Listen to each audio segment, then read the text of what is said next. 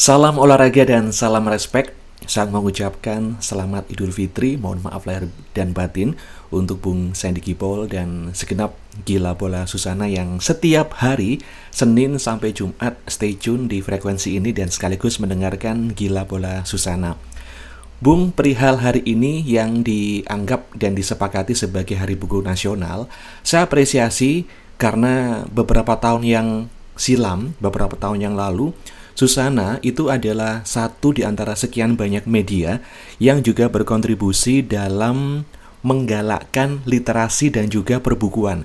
Meskipun bukunya tidak standar buku sebagaimana yang kita ketahui, tapi Susana adalah pelopor dan sekaligus pionir media elektronik berbentuk radio yang rajin menerbitkan jadwal sepak bola Eropa pada masa-masa awal 2000-an atau pada akhir 90-an dan juga pada awal era-era milenium waktu itu.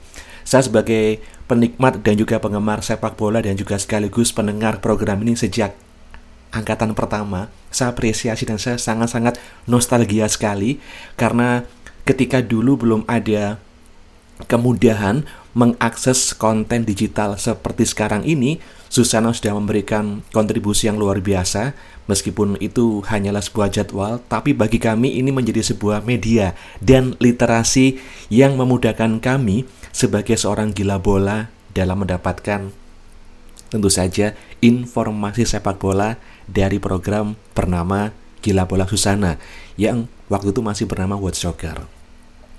Bung Sandy Gipol, perihal status dari statement seorang pelatih Indonesia ya, asal Korea Selatan yang baru saja Anda share kepada saya. Saya melihatnya begini Bung ya. Sekarang ini daripada kita fokus pada membenahi peringkat kita di FIFA, bagi saya pribadi namanya peringkat itu penting. Karena peringkat FIFA itu adalah sebuah pencapaian dan sekaligus benchmark pada titik mana kita bisa mencapai keberhasilan. Tapi paling utama bukan itu Bung Sandy bagi saya sebagai seorang penggemar bola, kalau saya, kalau saya loh Bung ya, menjadi seorang ketua PSSI, paling utama adalah bukan peringkatnya dulu yang saya pikirkan, tetapi bagaimana membenahi kualitas dan kuantitas kompetisi di dalam negeri. Kalau kita bicara kualitas, Bung, dulu itu kan kita punya sistem liga yang oke okay lah, meskipun juga masih banyak tawuran, masih banyak dualisme, tapi liganya itu berjalan dengan pasti dan sudah disepakati. Setiap tahun mulainya sekian dan berhentinya sekian, sekian bulan maksudnya. Sekarang kan nggak jelas lagi karena ada pandemi lagi. Kemudian bicara kuantitas, Bung. Kalau kita ngomongin kuantitas, liga itu kan kalau bisa tidak hanya memainkan level pro saja, tapi juga ada level junior atau level muda, bahkan ada level kecamatan. Itu juga seharusnya level kecamatan bahkan sampai RT pun harus ada gitu loh Bung. Karena ini bagi saya liga amatir itu perlu ada karena Inggris pun yang hebat seperti itu atau bahkan negara-negara di luar sana, Brasil yang berulang kali juara Piala Dunia, itu mereka juga masih membiasakan diri untuk punya liga amatir yang tidak dibiarkan saja Bung Sandy, tapi juga diawasi. Karena dari liga amatir inilah muncul bibit baru yang bisa ditarik satu level demi level bisa naik ke level utama. Jadi kalau saya ngomongin tentang peringkat Bung, bagi saya peringkat penting, tapi lupakan dulu.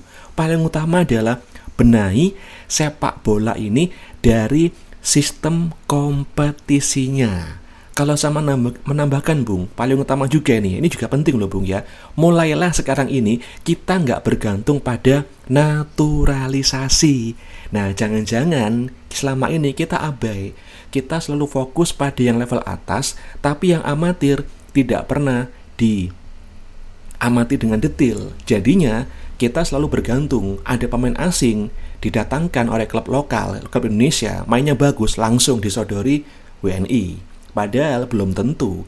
Padahal kalau kita mau lihat ke bawah di level amatir, level RT, kalau memang ini betul-betul mau diterapkan PSSI, kita bisa kok Bung menemukan mutiara-mutiara baru yang bisa jadi ya pemain hebat di masa yang akan datang. Tinggal bagaimana saja sistemnya itu mau diperbaiki atau enggak. Jadi kalau kita ngomongin peringkat, ya memang peringkat penting, tapi kalau saya pribadi kok melihatnya nggak apa-apa di Bung kita peringkat 200 nggak apa-apa tapi asalkan dengan memperbaiki kompetisi kita mulai tahun ini juga.